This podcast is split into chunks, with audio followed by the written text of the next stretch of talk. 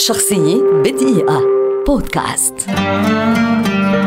جودي غارلاند مغنية وممثلة أمريكية شهيرة ولدت عام 1922 وتعد من أبرز مغنيات وممثلات المرحلة الكلاسيكية في السينما العالمية وقد نالت نجومية استثنائية على مدى أكثر من ثلاثة عقود. بدأت جارلاند مسيرتها على المسرح ووقعت مع مترو جولدوين ماير في سن المراهقة وقدمت أكثر من 12 فيلما مع الشركة. كان أشهرها على الإطلاق فيلم The Wizard of Oz وبعد 15 عاما اتجهت إلى الغناء فحققت رقما قياسيا في الحفلات الموسيقية وبدأت مسيرة ناجحة في تسجيل الأغاني. ثم قدمت مسلسلها التلفزيوني الذي ترشح لجائزة إيمي. حصلت جارلاند على جائزة جولدن جلوب وجائزة أكاديمية الأحداث وجائزة توني الخاصة وأصبحت أول امرأة وأصغر فائز في جائزة سيسيل بي دوميل لإنجازات الحياة في صناعة السينما وذلك عن عمر التاسع والثلاثين.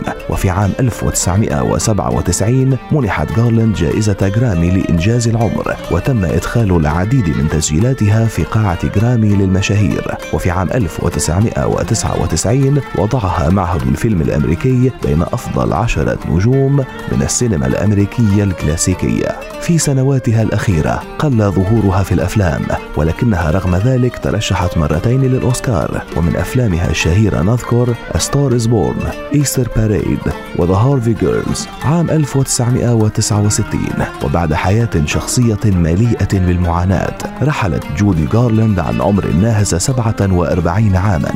وفي عام 2019 تم إنتاج فيلم رائع يحكي قصتها بعنوان جودي وقد حصلت الممثلة التي لعبت شخصيتها رينيه زيلوجر على أوسكار أفضل ممثلة.